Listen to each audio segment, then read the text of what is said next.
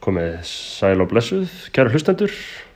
Verið velkomin í Skoðanabræður við sendum út frá Eirstofu 101 Reykjavík í Coca-Cola stúdíónu uh, yfir til uh, Safra Extremadura á Spáni.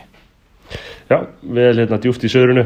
Um, hér hef ég verið frá því á förstu dag, lendi í Sevilla, uh -huh. komið hérna allar leið til Safra um, -huh. og uh, hef bara komið mér heldur vel fyrir maður. Ég hvaði mánudagi núna, ég kom á förstu daginn, við fórum, það er, það er alls konar, það er ákveðin ferðasaga, ég er nú búin að í tvö útastvítur sem ég kom út, hvort það ekki verið ást tvö og síðan við exit. En uh, ólíkt sko venjulega á mánudagum þegar ég fer sko til Thomas Lindars á morgunin er síðan að vinna á frettunum til sjö fyrir síðan að taka mm. Patreon þá fæ ég svona smá aðeins að kvíla mér núna yfir daginn áður en hvað, þú veist, er eitthvað fretta frá Íslandi? Að ég er búin að vera, millir þessu búin að fara í smá tíma. Uh, Nei, það er ekki neitt að fretta en það er að Þú veist, það er bara COVID-ið komið aftur í gang og það er allir að tala um það núna og vilja allir drepa, allir drepa sig út af því en þú veist, það er bara eins og það það þýðir ekki að tala um það, það þýðir ekki að hugsa um það. Uh, Xi Jinping er að kúka good shit heims yfir áð, þú veist, þetta er bara Þannig að uh, sko Mörgum bara fara eins og þetta fer, sko Ég var hérna COVID.is á hann og ég las að uh, hefði um þetta nýgengi smita er 350 á hverja 100.000 íbúa síðustu tvær vikur. Og þetta er tala sem engin íslendikur skilur, við höfum aldrei nátt tökum á því að fjallum COVID með þessum hætti. Uh, en hér á Spáni hafa miða allir við þetta nýgengi, það er alltaf bara að tala um hversu mikið incidence er. Mm -hmm. uh, og það er í 54 samanborðið 350 hjá okkur sko, þannig að staðan er sko skölfak mikið verri á Íslandi en hér Já. Hérna var ég á dæminu til 5 í, um helgina. Spánverðar djami Spánverðar djami, whisky. Já, já. Pepas uh, með Faruko í gangi.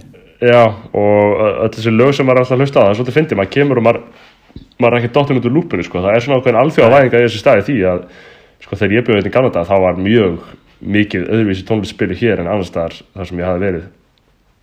Ég meina núna, þú veist, ég sá það um daginn þau, þau voru að spila Pepas á Átó, sko Já, já, ég meina þú veist þessi, þessi lög rata inn á uh, mestu vinstaldarismi heimsins skilur og, og þaðan af, mm -hmm. af bara inn á allt þetta dót sko um, mm -hmm.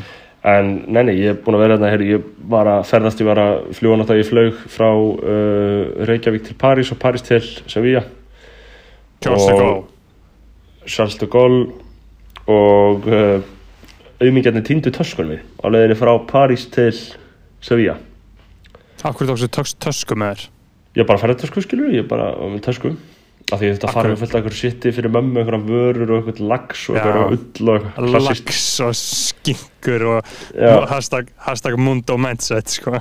Já, uh, var að flytja hellinga eitthvað hann í sitti þannig ég bara ákvaði að hafa tösku með. Já. Og, og veist, maður alveg fær í viku er ekkert verið að vera bara með smá futt uh, og þannig að þið týndu töskunni á leðinni frá mm -hmm. Fraklandi til Sevilla. Æðislegt. Já, en ég ekkert eins og að þú veist þegar það komið ljósa var mér eiginlega bara alveg drull sko, þú veist. Uh, ég er bara eitthvað já, bara eins og ég viljið, svo senduður mér hana tveimur dögum eftir, en það sem gerist náttúrulega er að þú veist þá fær maður svona eitthvað sveirum til þess að sko kaupa sér einhver hluti sem mann myndi vanta. Og þeir ja, endur greiða það. Og þú vart að gera það á spáni. Og ég þurfti að gera það á spáni bara eitthvað ógislegt stöf bara eitthvað svona, svona, eitthvað svona eitthvað vesti með svona litlum spænskum fána. Já, oi, oi, oi þannig að svona bátaskó. Mm. já.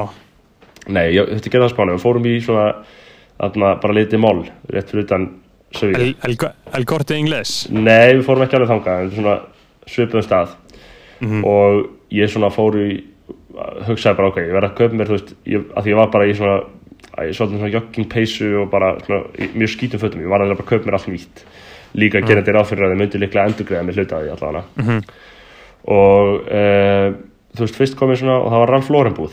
Og ég eitthvað svona, ok, ég ætla kannski bara að kaupa mér svona sokka og nærbússu þarna, skilju, ég ætla ekki að fara að kaupa mér föt hérna. Mm -hmm. mm, sérstaklega því að á spáni, þú veist að veri Ralph Lauren, þá er það þykir það svolítið svona, þú veist, það er svolítið snobbað, skilju það er ákveðin týpa sem er í því uh, það er Sevilla Naziin er í ráðflóðum sko? já, og að meðan þú veist á Íslandi getur alveg sett þetta í annað samhengi þannig að þetta gangi miklu betur upp sko. Já, Eh, en það, það, það er samt alveg svolítið ég er alveg samanlega, alveg samanlega Það er á flórunni í dag, sko. það hefur nazíska drætti uh, Ég, myndi segja það sko en ég að segja þú veist að það er alveg hægt að vera í þessu án þess að svo sé, þú veist, ef þú fæst bara í einhverju, einhverjum Skýtir ekki máli. Þú getur alveg verið frekar nettur í þessu á Íslandi alltaf það er svona mér er alltaf þó- þótt að aðeins flóknar á spáni bara vegna þessara alvöru nazísku tengsla. Uh, Mhm.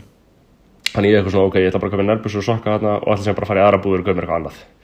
Að það mér mm bara einhverja skýrtu, einhverja peysu og bara vera með basic. En allar aðra búður voru bara það ógeðslegasta ég Já. aðeins minn Já. þú veist, ég bara gat ekki ég, veist, og ég bara gat, ég bara, ég gat ekki hugsað mér að fara í neitt skilur Nei, þannig ég fór alveg, fór alveg ring í uh, Vestlunveðstöðinu Mhm. en endaði síðan bara á því að þurfa að koma aftur í Ralf. Þetta var bara eitthvað svona B-típu desigual, neða ekki? Jú, jú, bara það versta sem þú getur hugsaðir, skilur, sinni tveir, þú veist, svona líka pull and bear, þú veist, ég get ekki lengur keitt henni fött, skilur, eitthvað svona, svona, svona, mango eitthvað svona dót. Pull and Bear Selected Jack and Jones þú veist. Og að þetta, þú veist, ég, ég er bara komin á það í lífinu frekar, núna, að kaupa frekar eitthvað dýrt sem endist í þrjú ár, frekar en eitthvað ódýrt sem endist í tvær vikur. Uh, og það er bara ný stefna, það tengist, tengist bara því að, að mér finnst hitt bara ósálbært og ógeðslegt, skilur, ég get ekki verslað í svona búðum. Uh, Já, bara væp. og uh, þannig ég fór í Ralph Lauren. Kefti mér skýrtu og peysu og buksur og svo sé ég bara hvort þið endur greið mér þetta. En síðan kom ég hérna til Safra sko og hitti mm. vini mína sem skilur eru anarkistar. Veist sem eru bara tölvöld lengra til vinstri en þú veist þau pyrrast þegar þú kallaði anarkista þau eru eitthvað annað grófara skilur uh, og hvað content eru þau að konsúma? þau eru líka alveg Twitter og atna, þú veist bara einhver svona radikal spænskir kommenterar skilur og þú veist Mhm. það, er, það er vinstri stjórn sko og þeim finnst hún ekki nógu mikið vinstri og svona þú veist þetta er eitthvað svona svona tótt uh, og ég var að segja þeim skilur ok þú veist núna er ég í þessum fötum og ég veit að ég er eins og nasti skilur hvað ég bara gæti ekki gert þetta annað skilur ég hafði ágjur af þessu. Og það er svo nei þú veist bara eina sem þú ert fyrir fólki hér er bara gýri þú ert bara túrist af mikið þau Já. sjá ekkert hvort þú sért nasista túristi eða ekki skilur Einmitt. þau fyrir ekki þeirra en ég var mjög fegin og, og, og Mhm. bara fagna því að, að geta verið keft mér alf Já maður, Polo Polo, það er nefnilega svolítið fyndið hvernig er mismunandi eftir þessu uh, út á Spáni sko. og alveg bara hvernig sko, smekks stíð á Spáni er svo allt annað eins og segir. Þetta er allt svo fucking ljótt. Já, allan á svona almennu fötin sko, en ég meina það er náttúrulega bara okkar tilfinning skilur, Já, þeirra tilfinning er bara okkar sitt sem bara mjög skrítið. En það sem ég hef samt Amerískt. upplifað núna það sem ég hef upplifað á spánu núna er að það er töluverð svona amerikanisering að eiga sér stað. Miklu það hraðar en var mér finnst það, mér finnst fólk vera og líka sérstaklega vini mínir, mér finnst svona vera bara miklu meira með á nótunum í eh, henni alþjóðlegu umræðu Tala er ennsku það uh, já, þú veist menn eru bara að slá um sig á ennsku sko, þú veist Það er nýtt og veist. það er algjörlega nýtt að þegar ég var í þessu Mhm. þorpi hérna fyrst skipti fyrir nýju árum þá talaði ekki neitt ennsku þú var bara, Nei. Bara, ef þú varst ungur þá talaði ekki ennsku og ekki ef þú varst gamalt heldur sko, bara Mhm. einu sem töluði ennsku voru bókstara bara einhverju voru bara með doktorsgráði ennsku einmitt Kennararnir töluðu mjög lélega ennsku Ennsku kennarar. það er fræg, fræg sagan af því hérna mentaskóla kennarinn hérna sko sem fekk áfall þegar þið breyttu um kennslubók sko því hann hefði bara verið að endurtaka Já, endurtaka það sem stóð í kennslubókin sko það var bara gekk eftir að það breyti en uh, nei nei þetta hefur verið þetta hefur breytt breyst aðeins held ég sko.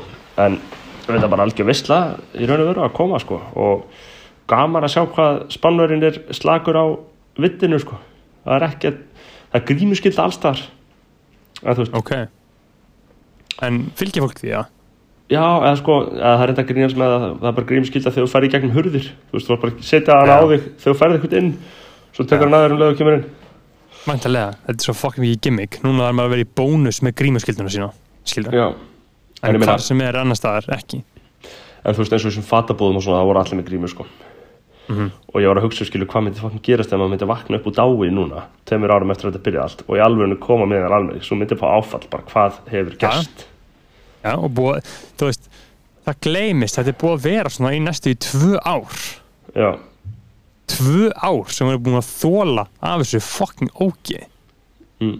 En þú veist, ég er komin á það, ég tala ekki um þetta, hugsa ekki um þetta, pæ, pæla ekki í þessu uh, og bara vona það allra besta. Þú sér það eins og í bandaríkinum skilur uh, það eru bara festival. Það eru bara, þú veist, það er þetta fullkomlega allt í lagi. Já, heyrðu svakalegt þetta með fucking Travis Scott maður. Já, einmitt, getum við segveið inn í það sko, það var uh, það er það, það er gjörsamlega fucking helveg sko. Já, bara svona í, í alvörunni sko. Uh, þetta er sem sagt uh, Astro World Festival sem að er uh, árleg hátíð sem að Travis Scott tónlistamæður og rappari heldur í heimabæ sínum uh, í Houston, hann var heima rétt þar fyrir utan uh, það sem hann erstu upp í Texas. 50 manna festival og þarna það þetta var núna um helgina, það ætlaði ekki verið förstu daginn og það dóu áttamanns það veist. Í tróðningi bara. Já, bara í tróðningi og þú veist uh, þetta er náttúrulega alls ekki Travis Scott að kenna sko, þú veist, þetta er bara langt í frá. Þetta er bara gæti ekki verið minna á honum að kenna. Væntalega er hann ekki að hugsa um þetta er hann bara að uh, væntalega er hann bara að performa sitt shit, skilur, heldur hann sé ekki að fara að slaka á því eitthvað, hann sér einhvern eitthvað, hann sér ekki eins og þetta er 50 manns. Já, og en það virðist sem að fólk er svona svolítið að uh, törna á hann allavega svona liberal media uh, bandaríkjana sko, ég horfði á nokkur svona uh, CNN og ABC myndbönd og þá er allir að tala um hvað það er óábyrt af honum sko.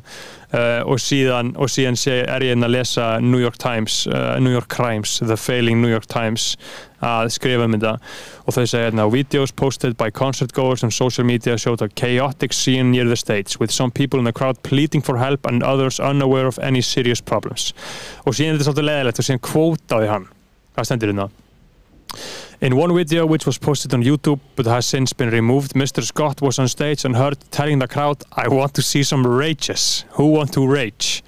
Moments later, he could be heard saying, There's an ambulance in the crowd. Whoa, whoa, whoa. Uh, for several seconds, there was no music. Mr. Scott looked toward the crowd, and the red and blue lights of an ambulance could be seen amid the sea of people. Then Mr. Scott said, If everybody good, put a middle finger up in the sky. As the music resumed, Mr. Scott urged the crowd to make the ground shake. Veist, þannig að veist, allt sem að hann segir hann uh, lætur hann líta svolítið illa út. Veist, þau setja þetta í svona texta, skilur? Eins og hann sé að peppa þetta, skilur? Sem að er Sko- náttúrulega uh, rosalega sorglegt. ég bara skil ekki ennþá að átta manns hafi dáið þetta sko, ég bara fa- átta mig á Yngst- þessu, þetta er bara svo, svo hræðilegt slið sko Og yngsti á 14 ára, sko. Já, veist, þetta 14 hljóma samt eins og vandamál skipuleikjandina en frekar en hans en þú veist, að bara ekki spurning sko, ég held að það sé bara vandamál skipulengjandana sko. Uh, og síðan er þetta fyndið og síðan er þetta þessi failing New York Times grein svolítið svona hit piece á hann sko. Þú veist það stendur hérna uh, The Astroworld, þau reyna svona svíverðan aðeins í leiðinni sko, þau segja hérna The Astroworld Music Festival now in its third iteration is named after his 2018 album Astroworld which drew debate in the music industry over Mr. Scott extensive use of retail bundles using various merchandise items sweaters, t-shirts, ashtrays and more to help drive sales of the album and boost its position on the Billboard chart. Fyndið að nefna einhverja svona uh, svífyrningu í leiðinni sko og, og síðan stendur líka sko þarna, uh, Mr. Scott has also earned a reputation for concerts that feature high concept state production as well as wild chaotic energy from his audience. Þú veist, uh, ertu búin að sjá myndbönd af þessu þetta var epist já, sko. ég get, get, bara, ég get bara alltaf hort samt á þessu myndbönd sko. Já, nei, þú veist, ég meira að tala um bara productionið, bara showið sjálft sko, Já, já, jú, jú, þetta bara svona alvöru, alvöru epist sko og þú veist, og hérna stendur líka sko þú veist að þetta er ekki fyrsta sinn sem þetta gerist hjá honum skilur þú veist, í árið 2015 þá var hann dæmdur segur fyrir eitthvað reckless conduct eftir að hann sko peppaði fólki að klifra yfir eitthvað grindverk skilur og, og hefur verið í alls konar svona dæmi og þetta er bara svolítið og, svona og partur hvernig af veitur stöðun hans? Þú veist, þetta er bara svolítið partur af brandinu hans náttúrulega að vera einhver rager sko. Og hann Já, náttúrulega er, hefur hvernig alltaf verið Gaur, ég held að uh, smá media fuss sko, þú veist, 48 tímar og hann heldur áfram með lífið. Þetta gerist líka árið uh, 1979 þetta, þetta, þetta er sko mannskæðasta tónleik, tónleikaslis í bandaríkjunum frá 1979 þú veist, það er svolítið hellað veist, þetta er bara mest ekstrím útgáfa af þessu. Veist, þetta er alltaf að gerast en þá er alltaf kannski bara einn eða tveir En þú veist, þetta er áttamanns og þetta gerði síðast á Hú tónleikum árið 1979 sem að uh, þá dói eitthvað, þú veist, tólmanns eða eitthvað, eitthvað svo leys Mhm. og þú veist, staðan hans ég held að þetta uh, þetta er náttúrulega hræðilegt fyrir hann. Þú veist, paldi að vera nýbúin að vera að halda einhverja tónleika fyrir 50.000 manns í heim, heimabæðinuðinum uh, og síðan gerist þetta, skilur það er Já, ég var að- Þannig að allt fara á, staðarna í bandaríkjunum og endalust einhver svona leikjum og svona, þú veist, allir svona einhverjir íþróttaleikir og eitthvað svona, þetta er náttúrulega svo viðbjóðslega mikill hluti af menningunni. Um, og ég var uh, með uh, ömmu minni spænsku og hún les mikið El País. Bara dagblæðið, hérna aðal dagblæðið og hún hafði lesið grein þar sem að vera að segja frá fyrirbreyði sem er núna í gangi í bandarískri pólitík þar sem að hefur séð eitthvað um þetta um þetta Let's Go Brandon. Nei, hvað það? Nei, þetta er ógeðslega fyndið. Sko, uh, það var einhver NFL leikur, eða eitthvað svona, eða eitthvað svona college football. Og það var einhver svona lippi á einhver miðli sem var að, sko, segja, reporta þetta. Og þetta var, þú veist, þetta var, þú veist, bara, það, þetta var svona rosa, rosa stór krát sem voru tjant eitthvað. Og þarna, og Lippin segir, þú veist, þetta er CNN eða CNBC eða einhver, einhver lippi þú veist, segir eitthvað svona, já þau eru að tjanta hérna, já, þau, þessi hópur þú veist, að það var aðalgaurinn í liðinu hér Brandon. Já, og þau eru að tjanta hérna, let's go Brandon. Þau eru að tjanta hérna, let's go Brandon. Já, og, og hún var, þetta var svona veikandi mikill hávaði þarna, sko, en sannleikurinn var sá að þetta fólk var að tjanta fuck Biden, já, það var að tjanta bara fuck Biden. Já, já, og allt rætið í bandaríkjunum tólkaði þessa atbyrður á þannig að skiluru liberal miðildin hafi verið að reyna að kæfa sannleikan þetta, um tjantið sem er rúglega rétt. Auð pottjett það er rétt, það er rúglega rétt. En, en þú veist, hún segist ekki að eftir þetta eða eitthvað svona. En þú veist, þannig að veist, þetta Let's Go Brandon varð hjá allt rætinu að kóða fyrir fuck Biden. Þannig að núna seg, segja þeir út um allt Let's Go Brandon. Og, og þetta er bara svona, veist, og þá er þetta svona kóði þannig að þú þú ert ekki að segja það en þú ert að segja það. Já, einmitt, einmitt og þarna, og ég frétti bara þessu gegnum þessi spænsköfum minna sem hefði bara lesið um mm eitthvað í El País bara, sá bara eitthvað um Vamos Brandon. Já, já, Eh. já. Bara, hún vísaði bara í þetta bara, þú veist, hefur séð þetta með Vamos Brandon? Ég bara, eitthvað, hvað ég fokk hann þetta að tala um? En það var allt þýtt á spænsku. Og þá, þú veist mér var bara svo magnað, síðan las ég þessa grein og, og lærði mikið af henn og algjörlega fattaði hvað máli snýðist um bara í þessum, þessum spænska blaði og þú segir bara það er svo magnað hvað, þú veist, þýðingar gátu bara komið þessu og bara svona fréttamennska gátu bara komið þessu menninga fyrirbreyði til hennar. Já, já, bara sem bara spænsk kona og söðuspáning talar ekki orði í ensku en átt að sér bara að þið nákvæmlega hvað gerist það skilur þetta fullkomna af því að það er svolítið fallegt hvað uh, svona uh, fréttahefðir hjá fólki, uh, hvernig það eins og hún les bara dagblöðin skilur, Eftir, hún, er bara, hún er bara upplýst hún er bara eins upplýst um Já. allt og hugsast getur. Hún veit bara nákvæmlega hvað er að gerast bara í einhverjum atna, fylkiskostningum í bandaríkjunum veit bara allt um Já. allt. Bara því hún les bara spænsk dagblöð. Hún bara færa það það skilur þetta er ótrúlega því að ég veit sko ekki neitt frá því að COVID byrjaði þá hætti ég alveg að þú veist ég, ég horfi aldrei á skipulaða fréttir eða hlusta á skipulaða fréttir ég hlusta ekki á hátæðisfréttir eða kvöldfréttir eða neitt svona. Ég er bara Ari Magastæl, skilur, bara það sem að berst til mín, bara kemur til mín og ég bara fæ frétt með hann, ég fer, jú, ég fer inn á vísi og rúf.is, kannski tvisar á dag. D.A.F. mannlíf tvisar líka skilur, uh, en ég fæ þetta aldrei skipulagt til mín. Og það er svo létt fyrir mann ef maður hefur ekki áhuga á einhverju uh, eins og til dæmis þetta- til dæmis þetta eblingarmál skilur, með Já. Solveig Önnu og allt þetta. Ég er búin að sjá örglega svona 30 fyrirsagnir um þetta skilur, eina Enda, endalusi vinklar, endalusi spenningjarnar, nei, ekki þá neitt. Neitt, ég veit ekki hvað er í gangi að Nei.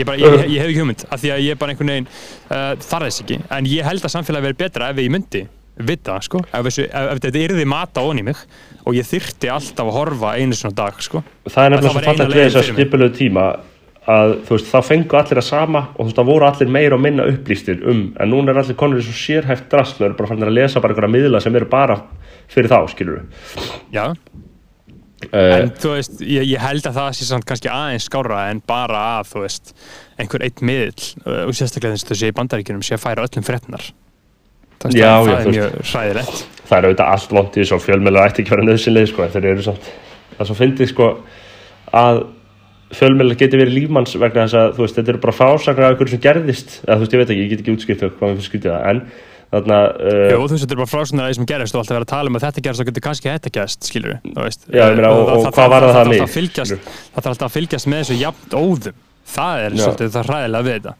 Í staðan fyrir að fá þetta bara allt í einu skilur en, en mér finnst þetta gott dæmi og mér finnst líka bara gott hjá uh, bandaríska hærinu að taka þarna, let's go Brandon. Já, og já en það, sem, það, það, það, er mjög fyndið sko. en það sem var líka áhugast í þessar grein er að ég man bara í niðurlæginu á þessari El Pais grein þá stóðum þetta eitthvað svona, þú veist þar sem þarna, og svona er frjálsend fólk, ég dýrka hvernig þetta er orðið. Þar sem þarna þar sem þetta er svona skadlaus frasi, í raun og veru, let's go Brandon. Mhm. það segir ekki neitt er ekkit, það er ekkit bannað við þetta. Nei, það, það stóð svona í niðurlega greinar eitthvað. þar sem þetta er svona skadlaust og þar sem þetta er í þessu dulagerfi þá er engin leið að banna þetta. Það er engin leið að koma í vekk fyrir. Já, og þetta var svona pyrringstótni að bara getum við Já. ekki slögt á þessu? Já, já, já. og, Af því þetta er orðið bara normið núna bara að það er Já. ekki hægt að banna þetta? Já. sem er bara svolítið vandamál hjá löpunum já, já, það er ekki hægt að banna þetta um sofandi dúkkuna? Já. Yep. This is the future liberal wants. Þeir vilja banna allt. Já. Bóð og bönn á allt. Og bara þess let's go, er- bara let's go Já, já, þess vegna er þetta svo fyndið, þess vegna finnst allt ræðinum þetta svo fokki fyndið. Að þeir séu sé, let's go Brandon, en það er öruglega satt skilur, þú veist, ég held ef að þú ert uh, liberal media starfsmæður í bandaríkunum, þú mátt ekki segja neitt gegn Sleepy, sko. Nei, það, það, það, það, Sleepy það, það er ekki séns, sko Já, þú mátt ekki. Já, hann er, hann er the living dead. Hann er Já. fucking zombie. Hann er bara hann er hálfur hann er, hann er, hann er, hann hann er svona þú veist bara bókstafleg fucking rusla hrúa af manni. Hann er, hann er bara svo fokkin ógeðslegur sko hann er í alvörni ó, sko, af öllum mönnum sem ég þekki. Já. og ég, og ég er búinn að vera að fá svolítið aukin áhuga á svona ógeðsmönnum. Eins og ég er að skrifa, ör, er að skrifa örsögu um nöðgar á morðingja núna. Mhm. svona ógeðslega nöðgar á morðingja sem að býr í kjallara. Og Já. þú veist og, og elskar að nöðga er stereotypisku nöðgari og morgi já, Já, uh, og mér finnst Joe Biden ógíslegan hann líka minnast Joe Biden skilur hvernig hann hvernig hann getur hvernig hann getur sko ímyndaðir Joe Biden að greiða sér greiða sér já. með greiðu og rekst hann smá í húðina og flettir og flettir allir upp. Og það fucking skrýða sko köngulær og rottur út úr húðina á hann sko. Be það besta er sko þegar Davíð Oddsson er eigðir töluverðu púðri í að urða yfir Biden. Sleepy, ok, Í- vel gert hjá hann hann er alltaf að skjóta á hann. Uh, og hann er svolítið frumlegur í Biden einhaldinu sko. Já, hann hefur sagt ímislegt ég er að reyna að fá upp Reykjavíkubref helgarinnar sko. Uh, hann hefur sagt ímislegt sko. Hann alveg hamrar á hann sko. Þetta crazy loftslags afnætun í gangi hjá Davíð en know, við stundum hana líka reyndar en Já, ekki endilega loftslags afneitun heldur kannski frekar loftslags afskiptaleysi uh, Já, við erum- þannig sko. það sem við erum er sko við erum loftslags jákvæðir Já, ég meina ég er að taka toxic positivity á loftslagsmálin Já, ég segja það. Það er bara, Sigurbjörn Sturla kom í þáttíðin og sagði við okkur Já. þetta er Karl Ma- þetta er Karl Mári Valdastöðu sem að útskýrði fyrir okkur að það væri búið að redda þessu Já. og hei, bara, ég trúi I believe. Þú veist, það, er bara, það, er, það er greinlega bara búið að redda þessum loftslagsmálum sko. þannig að hann segir hérna veist það er milli fyrirsökn hjá honum sem er sáðu blíði Biden minn.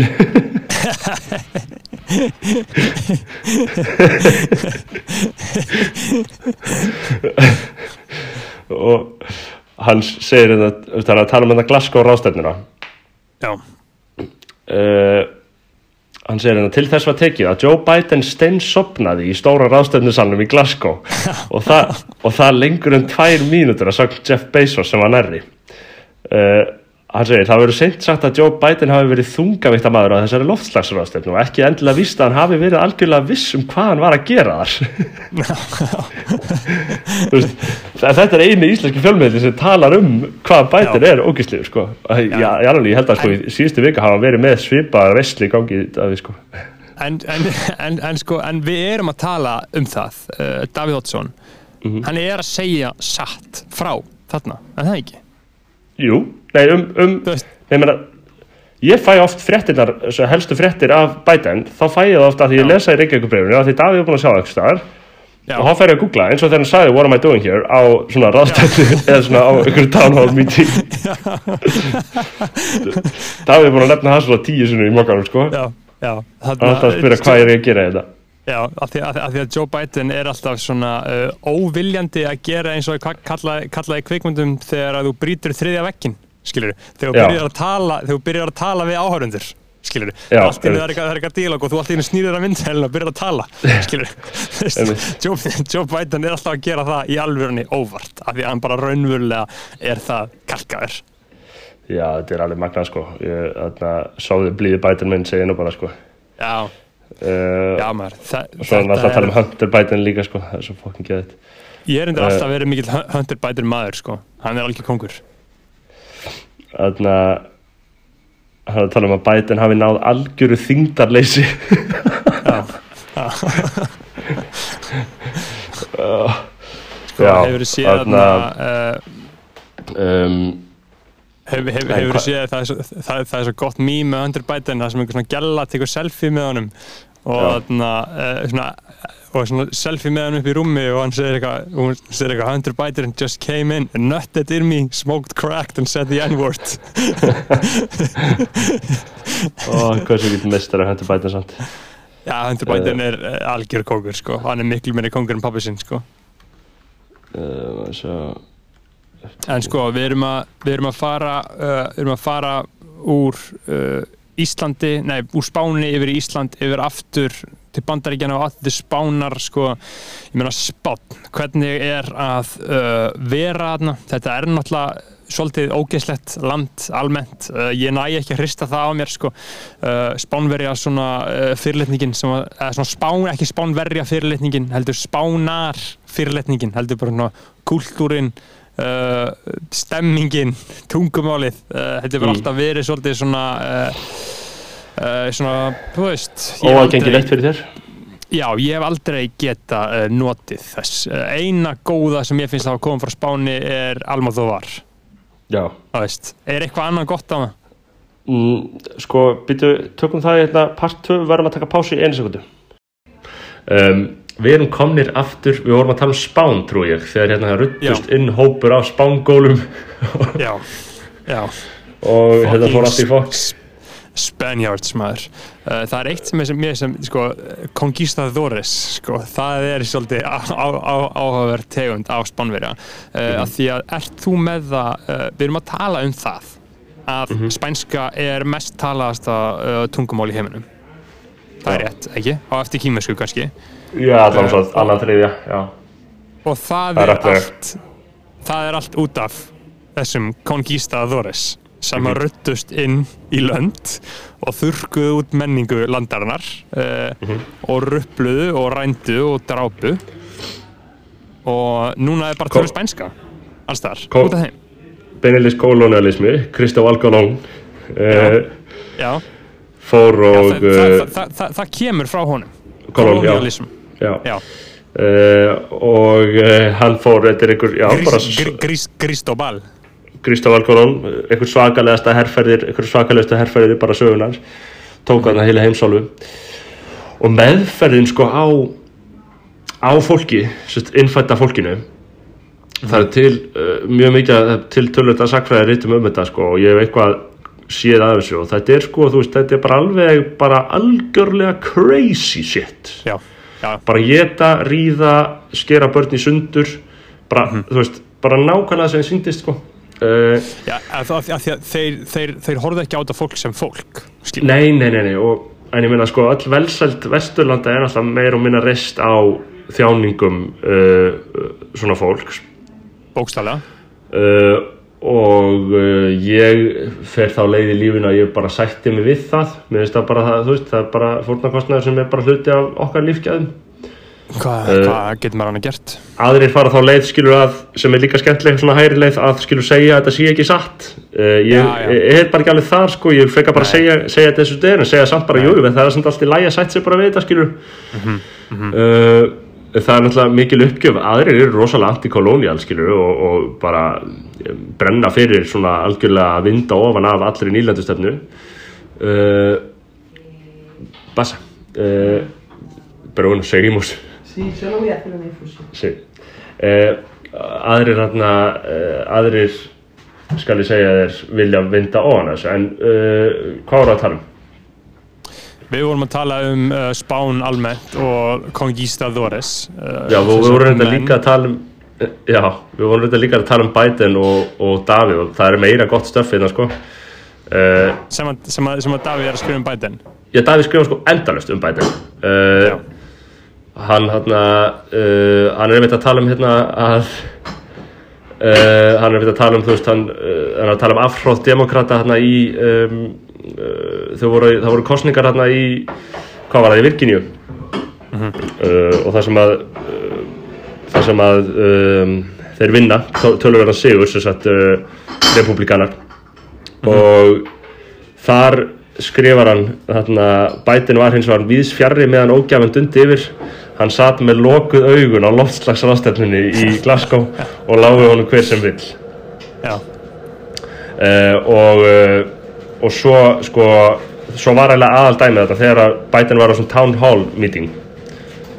Uh, þá segir sko Davíð ekki fór á milli mála stöðun og stjórnandinn á hennar vegum reyndu að tryggja til hins ídrasta að vandræðilega augnablík eru sem fæst og voru þá ekki talin með lít skiljanleg og samhengislaus ummæli Biden sem fyrir fjölgandi við þessi örfáu tækifæri sem hann svarar spurningum ofinberlega þá er það völdum spyrjendum og augljóstur að búið er að fara yfir spurningarna fyrirfram í fórsvöldarum en dugar ekki alltaf til. Þessi, augn, þessi óþægilegu augnablík koma þó sem engin ræður við þegar fórsetin spyr sig og salin hvað er ég að gera hér? Og hvoruður svarar. Já. þetta er náttúrulega algjörlega galinn situasjón sem við lifum í sko Þetta, þetta er mjög fyndið að því þetta er raunverulega að gerast þú veist. þetta, þetta er ekki bara eitthvað við að segja þetta eða Davíð Oddsson að segja þetta eða Trumparinn að segja þetta skilur veist, Og Davíð segir- Biden er bókstálega gjörsamlega sínæl Já, og, Davíð, og hann segir sko hætti við að spurningar að þessu tægi verði sífælt ágengari núna meðal bandarísk almennings handlöngurum demokrataflokksins tókst óneitanlega mestu að komast í gegnum kaplan fyrir kostningar þar sem Biden var hafður í einangurinn í kjallaranum í Delaware drýgstan tíma. Uh, en það er óneitanlega erfitt að ímynda sér hvernig framhaldið var hugsað. Það er löngur runnið upp fyrir flestum að þetta leikrið hlýtur að fá snubbóttan og afar dabran endi. Já. Uh, og þetta var svo góð íslenskun á sem að Trump segir alltaf Joe Biden's handlers.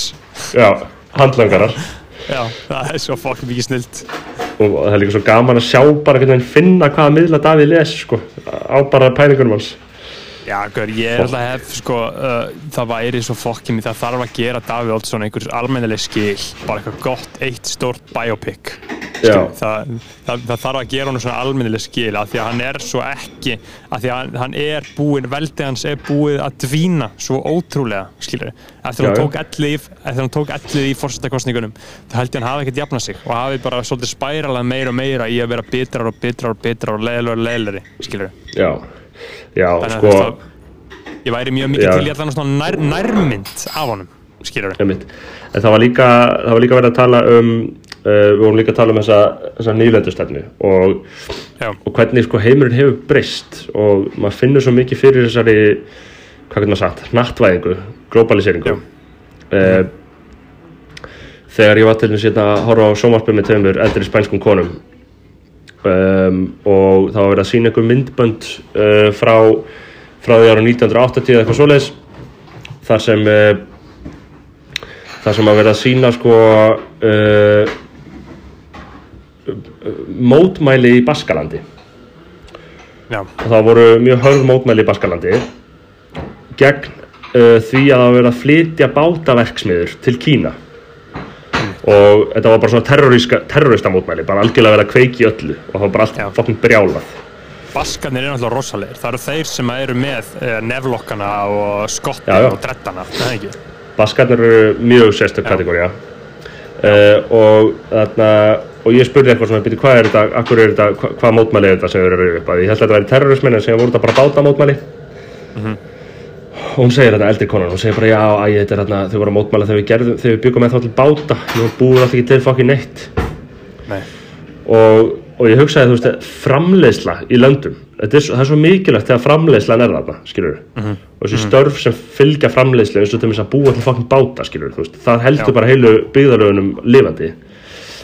um, og, og uh, hvað þessi nattvæðing er í raun og vera að fokka öllu upp. Uh, að það sé aðeins útryður að búa þetta til í Kína skilur það bara skemmir heilu landsvæðin.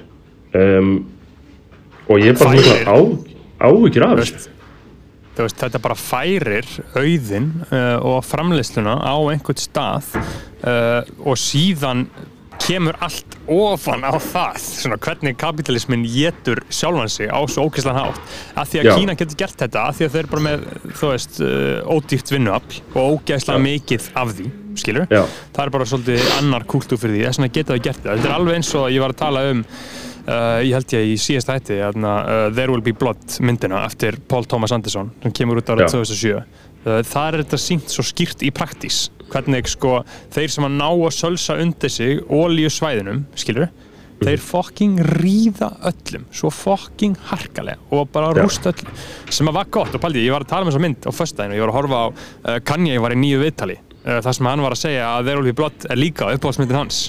Það var, það var heldur gaman, gaman að heyra. Ég mæli Mythic með the fyrir alla, Minds uh, fyrir alla hlustendur að uh, checka á There Will Be Blood af því hún, svo, hún, hún útskýrir þetta á svo ótrúlega góðum uh, einföldum nótum. Bara nákvæmlega hvernig völd og kapital einhvern veginn fucking rústa öllu í kringu sig sko. Eru við, hvað eru við konur aftur á antikapitalista þú veist, við erum, við erum eða pro-business, sko. Já, við erum pro-business sko. Við, við, við erum pro-business en við erum anti svona útgerðar uh, og svoleiðis shit sko. Já, en þurfum við samt ekki alveg sterka aðila, skilur, svona sterkir ofbeldis aðilar, ég veit það ekki. Ég held ekki sko, ég held að, veist, ég held að veist, þjóðin væri á betri stað ef samherja væri ekki til, eða skilur ef að stjórnendur samherja höfðu verið væru kannski aðeins svona með skýrari gildi og svona metnað og tilgang, þá held ég að við sem íslensk þjóð værum betri sko þetta er alveg Já, svo, sko. ég, var, ég, ég, ég- var að tala við uh, gamlan mann um daginn, leikari og við vorum að tala um hann að verbúð uh, seríuna sem er að koma út um jólinn held ég að sé sem að. Vesturport og Nína Dögg og Gísljón Garðars er að gera og þessi sería fjallar um sem sagt uppgang kvótakerfisins, bara svona byrjunar ár kvótakerfisins.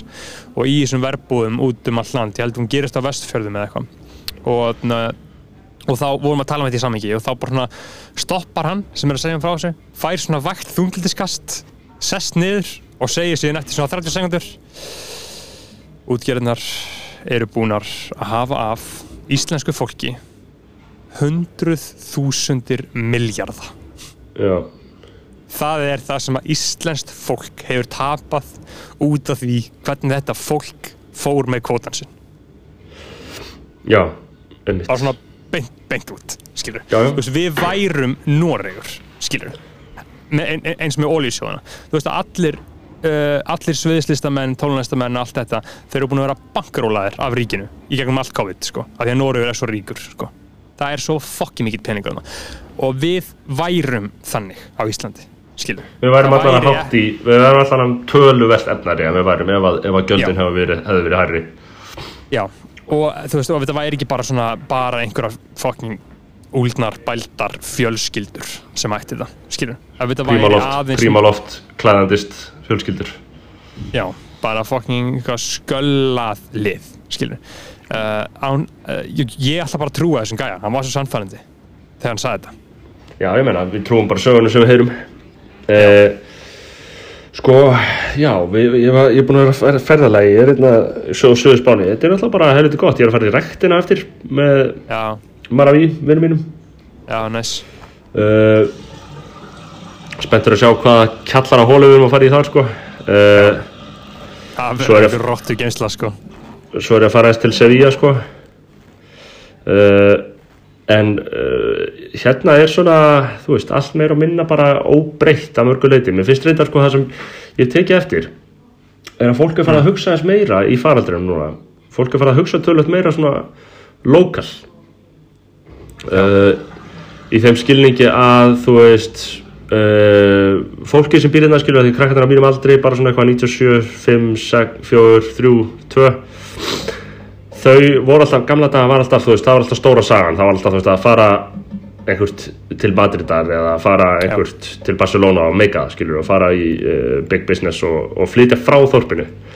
En núna þú veist eftir að faraldurinn fokkaði öllu upp og bara þú veist í alvörunni sögurnar sem þau segja mér af því hvernig faraldurinn var hérna skilur þú veist það var bara það var, voru rúmið tveik það voru ekki tæmi, drepast eða? já voru tæmi tveir mánuðir þar sem þú máttir ekki fara út úr húsinu og svo bara hermaður sektaði þig. Það er náttúrulega fokkin hellað sko þú máttir ekki fara út úr húsinu nema bara til að kaupa brauð Mhm. og og krakkar fóru ekki úr húsinu í tvo mánuði bara, krakkar Mhm. þú veist, það er að segja bara þú mátti bara fá undan þá að þú varst fallaður og Mhm.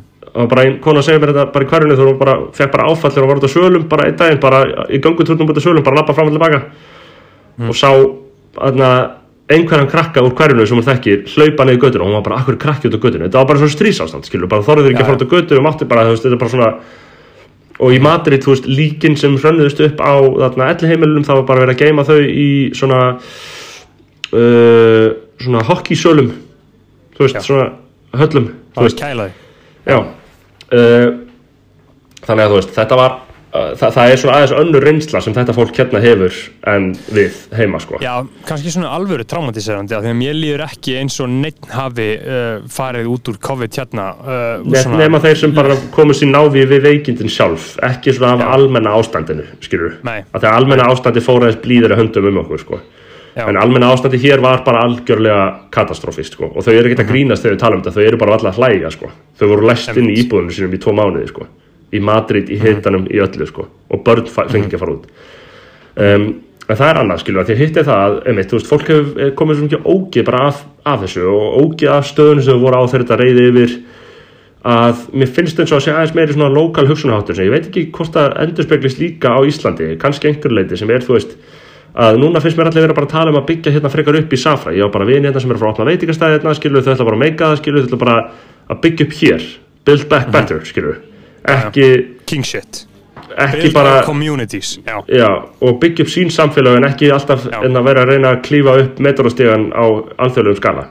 Einmitt, það er þetta nip, nipsy hustle shit sko. Já, og mér finnst þetta mjög áhugaverð breyting þetta var alltaf, veist, stemningi var alltaf sa- safra, henni bara skítastæður, skilur út bara komast tíðan, en núna eru bara allir í þetta og þú veist, bara fullt af fólki, það er, er þetta bara eitthvað í november og það er bara eitthvað stússast og eitthvað að að bilda, sko og eru komin einhverju veit, veitingastæðar en síðast að ég var í Safra þá var ekki mikið, mikið úrval. Já, það eru tveir eða þrý góðir, sko. Uh, Já, ég meina, þetta er 16 manna bær, þú veist, þú ert aldrei með allt þetta Já. nei, nei, vantar ekki. Uh, en þú veist mér finnst alltaf að það er aðdana að vera metnaður sko, þú veist, að því að maður lítur niður á þetta skilur, rétt eins og fólk lítur niður á Reykjavík skilur, maður hugsa, veist, hvað, er, hvernig nennir fólk þessu, þú veist, en það er alltaf En sko, slík hugsun er alltaf relatív, sko Já, en mér líður sko, ok, þú ert í Reykjavík uh, og þú tala við, það eru margir sem að segja svona, já, nei, ég, get, ég er ekki að fara að búa á Íslandi, skilur, Já. en maður svona eiginlega trúið þeim ekki, skilur þú hvað ég meina? já, Mér, mér líður alltaf eins og fólk sé svolítið mikið að kappa þegar það er að tala um að það ætla að fara til útlanda og gera hitt og gera þetta, skilur þú hvað ég meina? já, en svo bara þú veist, málið er að að vera með aðgang að, að uh, reykvískum efnahag Eru rosaleg forðundi sko, en þess að sko, launin sem bara þú veist, ef einhverjum með 850 skalla mánuði eða eitthvað á Íslandi, þá bara er hann með laun á við forsætis ráþæra spánar sko, já, einmitt. þú veist uh, þetta er alveg þannig sko, þetta er bara marg, margföld. Þú veist, ég meina, þú, þú, ef þú ert bara einhver kennari á Spáni, ert ekki bara að fá Patreon checkan okkar, eða? Jú, ég held að fáir, þú veist 1500 eurur eitthvað. Svona 200 okkur skall Það er minni, við fáum meira frá Patreon. já, mögulega. Já, maður. Maður þarf að nýta þetta economic power sem maður með hérna. Maður þarf að sjá heiminn, maður þarf að fara um alla Evrópu. Ég væri svolítið mikið til að fara sko, til Benelux landana og þar sko, sjá allt þar sko, og þú veist og, og allar þessar svona meginlands Evrópuna sko. ég hef ekkert séð það aldrei komið þangað sko. þinn maður, maður Wille Beck talar nú ekki sérstaklega vel um Holland Nei, hann talar ekki um Holland, hann segir, hvað segir hann, hann segir fyrirtækin ekki land.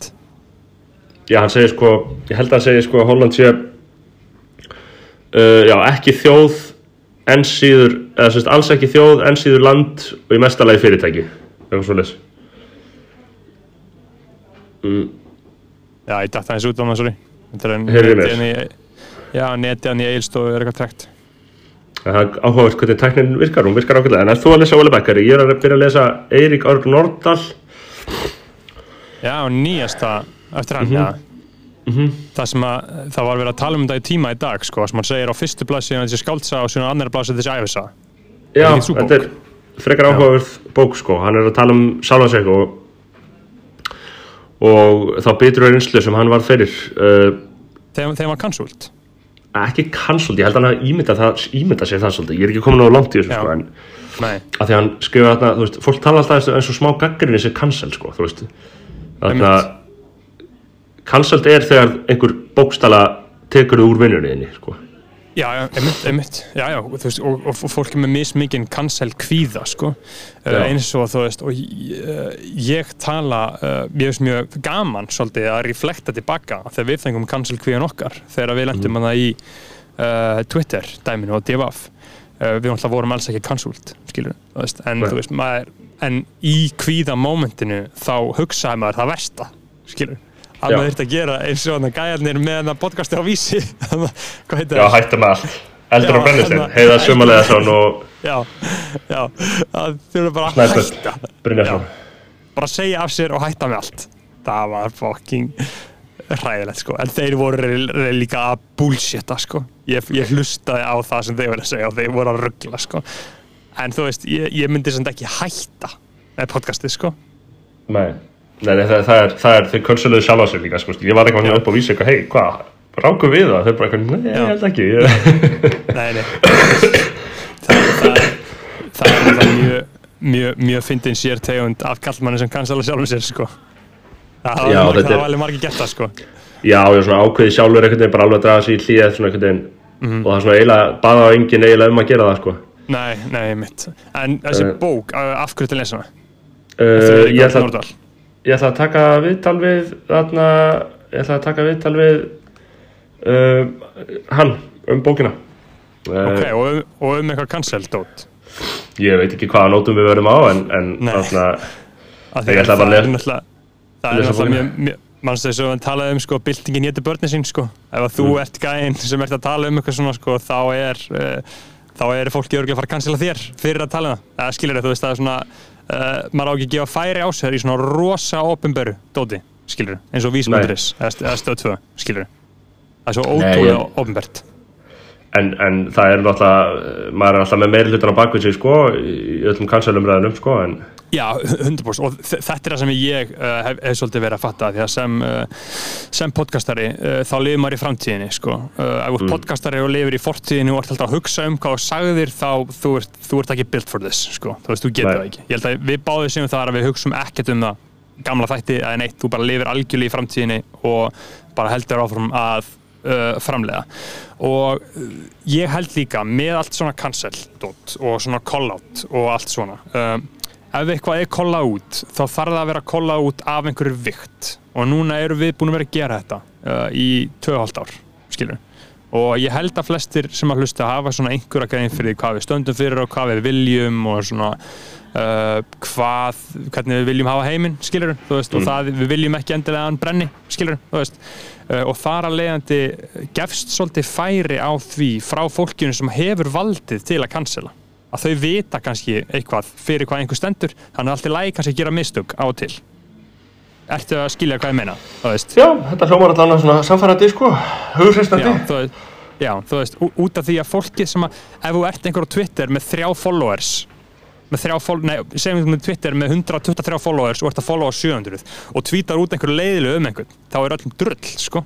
Það er enginn að fara að taka marka á því, saman hversu mikið það er skilur, en ef þú ert uh, á Twitter í svona ágætni, ágætni valdastöðu og komið smá vikt á nafnið þitt og þú segir eitthvað um einhvern þá þýðir það eitthvað, skilur Heyrðu, hvað, ert þú ekki spenntur fyrir hugmyndir hans Thomas Steindors um podcastið í 6 eða 7 klukkutíma uh, Jú, 6-7 klukktíma podcast Ég, þú, Já. Tómi Steindors og Siffi Já, varstu búin að sjá þetta? Nei, er þetta eitthvað komið einhvert? Er þetta, Já, það var eitthvað sko, ég skal leysa það fyrir þig já, uh, sko, það er einhver gún sem sendir á Tomma held ég eitthvað, heyrðu, hugmynd. 6 til 7 tíma podcast þar sem þú, Tommi Steindors, Snorri og Bergþór Másson, sérst Siffi, já, Siffi tweetar þessu. Já, Siffi tweetar hennar sérst hugmynd, 6 til 7 tíma podcast þar sem að þú, Tommi Steindors, Snorri og Bergþór Másson allir með vodkapela og kipp og korona Bergþór með eplasafa eða eitthvað þar sem hann drekkur ekki leifa síðan samræðinu bara að flæða. Já, uh, og Siffi sé að takkaði mig og Thomas Steindors eitthvað, hvað, thoughts? Tommi segir hérna 6-7 tímar er alveg þrjár kippur á korona þetta er algjörlega groundbreaking hugmynd. Uh, groundbreaking og, og ég sagði ég er þetta bókstara til. Uh, og Siffi kommentar hérna hérna, klukkutímar 1-3 fara í hlutverk fjármila Já. uh, 4-5 fara í krypto Já. og 6-7 fara í Kristaf Pallas eða Vestham og við veitum alltaf hvað við stöndum í því. Já, já. Uh, og Gísli Martin segir ég myndi borga ekstra fyrir þetta. Ég er búin að hlusta tvisar á pilotina þessu? Já. Uh, Ég aðna, myndi bara gera þetta. Ef einhver setur þetta upp þá myndi ég mæta í 6 klukktíma. Já en þú veist ég held að það þurfti að vera við sem myndum se- se- setja þetta upp. Já, ég, en var, var Tommi ekki að tala um að gera þetta eitthvað á vísi eða eitthvað, gera þetta í myndbandi líka uh, ég veit það ekki sko. Siffi segir hérna bara nokkri görur að tala um eitthvað. Það er podcast. Berg, Tó- Tómas segir Berg þá þarf að drekka þrjá lítra af mjólk. Drekka mjólk Já, já. Það, ég fæ Eh. eitthvað sem, ég fæ, fæ með mjólk, mjólk úr skítuðu glasi. En getur við ekki gert eitthvað svona jólaspecial eða eitthvað svona, drukkið eitthvað svona jólabjóður eða eitthvað, gert eitthvað svona jólaspecial með strákunum? Jú, ég meina ég get alveg gert það en málið er bara, það er svo vond loft í eilstofu og við getum ekkert verið hérna í 6 klukkutíma Við þurfum bara einhvern veginn að finna út eða kannski bara nota stúdíðans Tomma upp í sín. Já, það, það ég, ég meina ég er alveg til í að gera þetta bara í jóla að því við þurfum alltaf að fara að kynna einn nýja tíma fyrsta janúar verður smá breyting á dagskráni hjá okkur skilur, Já. þetta getur verið hlutur af því sko, hátíða dagskrá ég bara, þú veist, ég er alveg ge- al, gefið þetta á gamla staði eða eitthvað? Já, einmitt al, al, alveg til í að setja þetta upp sko uh, að því að ég Getum gert upp árið með þeim. Það var eitthvað. Já, það, það, það, það, var eitthvað, fyrst maður er komin í þetta, uh, fyrst maður er byrjaður. En þarna, ég var í háskólanum í dag uh, að þarna að kenna uh, hlaðvarpsfræði uh, í uh, meistaranámi og þarna og þetta er fyrsta sinn sem að ég kenni og þarna ég var ég, ég, ég, undirbjó þarna ég undirbjó klukkutíma fyrirlestur þar sem að ég byrja á því að tala um sjálf mig um, og síðan talaði ég um podcast sem að mér finnst gaman að tala um og síðan talaði ég um Joe Rogan. Og þannig að ég, ég haf aldrei gasað jafn mikið á einu klukkutíma ever, skilur, þetta var öðruvísi gasorka út af því að það var enginn að tala á different. móti mér skilur, veist, það var enginn að tala á móti mér skilur, þetta var basically bara eins og að vera í skóla og halda 15 mínúna powerpoint fyrirlestur, það er ekkert mál nema þetta var klukkutími, það sem ég var með einræði skilur, bara svona algjörlega í gegn. Hún var mjög góð, sko, að, þú veist ég, mér fannst þetta mjög gaman, sko að því að, sko, fólki í krátinu, sko það voru bara svona sex í tímunum, bara gellur, sko þú veist, bara konur. Og, uh, og þú veist, svolítið það- gá- gá- gáfu það þeir authority, authority kennarans. Já, ég myndi, seg, já ég, ég, ég myndi segja það sko. uh, þú veist, það var allavega, mér, mér leið sko, það, það var ekki, það var ekki mikið mi- ekki mikla umræður sem fór á stað skilur, en mér fannst samt eins og var verið að hlusta á mig allan tíman, skilur, því ég get ímynda mér að verst í heiminum er verið kennari og upplifa það að þú ert losing the crowd skilur, að fólk sé að koma í símanum og fólk sé að gespa og að fólk sé að gera eitthvað annað, skilur uh, ég náði svolítið að uh, halda því sko, en þá fór ég bara að hugsa hvaða er uh, góður undirbúningur fyrir að vera kennari, að vera podcastari? Af því að þú veist, það er ekki til neitt profession sem að læra meira að tala lengi skilur, bara að halda Það- tungu kirtlunum Akkur við verðum við ekki með kursa í kennaraháskólanum, bara um að gasa, bara svo aðtöfn að gasa. Já, ég Eh, meina, ég, þú veist, ein, ein- eins og ég sagði, ég var í hérna podcastinu hjá Lóu og Sölku uh, um helgina. Og ég kom til þeirra. Og Er það læstri dagskrá eða? Nei, ég held að það komi út. Ég held að það komi út, við tölum aðeins um þig hérna á einhverju tímpúti og þarna, uh, þetta var alveg tveggja klukkutíma sesjón sko. voru að svífina mig að þær kannski meira svona, ég væri, ég til að vera með aðstofamann sem gæti farið og pikkað kvótin, skrifaði fyrir mig Já. og komið með pertu til mig já, já, það, og, eins og Áslu Arnar er ekki með, það væri heldur næst sko. Uh, en, en, þarna, en þá kom til þeirra og ég sagði við, sagði við þær uh, að regla nummer eitt in podcasting það er aldrei bakka út úr argumenti. Aldrei nokkuð tíma. Bara haltu áfram gasinu aldrei segja, aldrei klára að segja eitthvað og bakka út í uh, ég veit ekki alveg hvað ég var að fara með þetta skilju, Einmitt. bara halda áfram, bara fake it till you make it. Alltaf, í gegn, sama hvað sko, og allt líka normalísera eigin gas sko, eigin gas. Já algjörlega. Sumir er alltaf að segja sko, veist Mér finnst að þeir aldrei að segja í viðtali að þú ætlir ekki að tjá þig um eitthvað afmarkað Nei. í einhverju ákveðnu viðfársætni þú, þú sko bara ekki tjá þig um það skilur en ekki taka fram að þú ætlir ekki að tjá þig um það skilur hvað við, þú veist að segja Ég- eitthvað ég- ég ætla ekki að tjá mig um þetta en þetta og þú veist sleftu ekki tjá þig hlutanum Þa, það var þannig og ég- fór til þeirra og Lóu og Sölku og þær voru að tala um Þóri Sæm gætt lengi uh, og voru bara svífið hann fokkin harkalega skilur. Já. að segja var lé, lélugur leikari og segja var ógeð og eitthvað og ég Já. bara nú kommentaði allt eða skilur bara svona meina, Já. ég hef enga skoðun á þessu þá bara þá segi ég ekkert um þetta. Svo ég fór að líka að tala um gils, skilur allir vita að ég er enginn gilsari, skilur uh, en Nei. þær fucking hata gils, skilur Já. þannig að þú veist, og ég, ég bara náði að vera svolítið svona no commentary og ég fekk svona smá kannski upplöfun fólk sem kemur í þáttum til okkar skilur, Já, og það er svolítið svona Já, það er svolítið svona gengið fram að því en, en ég náði bara svolítið að svolítið verið að kompromæsa viðmælandan skilur Já, já, já, en ég, ég bara svolítið, ég svolítið fattaði strax bara, að ok, uh, núna er ég komin í hástöðu og ég ætla bara eina að play along, skilur, mm -hmm. uh, án, þess að, að vera eitthvað að taka undir, þú veist, ég hef þeir enga svolítið að skoðun, bræða einn meðal í þetta. Já, þú veist, ég hef enga skoðun á því hvort að Þóri Sæm sé lélu leikari eða ekki, skilur, þú veist, það bara er, er, er eins og það er, sko. ég tjáð mig vissulega um það að mér finnst flesti leikar frekar fokkin heimskir Já, já, en mm, mér finnst leikara samt með að við aðrar starfstjættir vera uh, áhugaverðir, skilur, þú veist, þeir hafa bækur og En þeir eru líka bara áhugaverðir sem listamenn og performerar sko. Já, og, og þeir kvíla í einhverjum sögum, skilur þú veist, um Jóhannes eitthvað Haugur svoleiðis. vinna við að segja sögur sko. það var gott Já, já, já, þú veist, skilur leikar eru mun áhugaverðari en margt annað fólk, sko þannig að ég myndi ekki segja Hverjir, heimskir, hvað sko. stjætt er alvöru alvöru ekki áhugaverð hvenar Sko- bara hvenar hvenar missir maður bara al, missir maður bara alveg niður? Mér þetta er ekkert í hug sko. það, það sem að mér finnst minnst áhugaverðast af öllum greinum, það er náttúrulega uh, klálega eitthvað svona spítalastöf. Sjúkdóma, ah, mhm, já.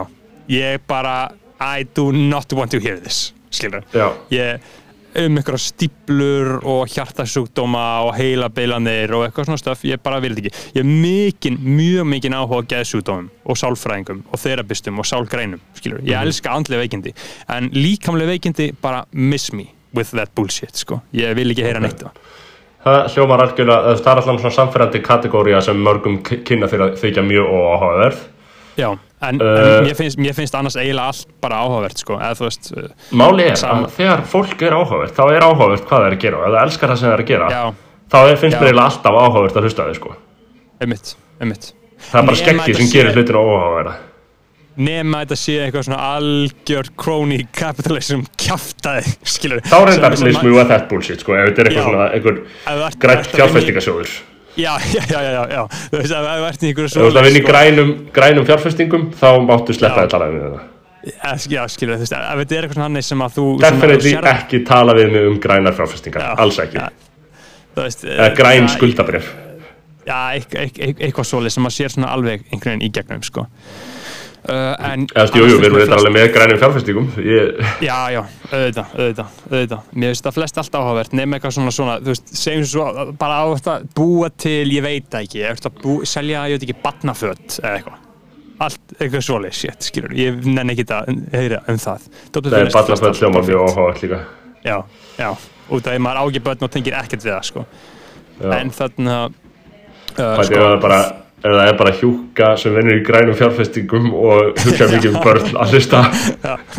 Uh, þetta er svolítið ólíklegt mengi sko, þannig að við þurfum ekki að hafa neinar, ne, ne, ne, neinar uh, áhyggjur af því. Við byrjum vinningu fyrir öllum starfstjættum og öllu fólki en ég held að þetta sé komið minni, hjá okkur. Þannig að kæru hlustendur njótið þess að vera til og Guð bless ykkur. Að bakið um að sé bróðir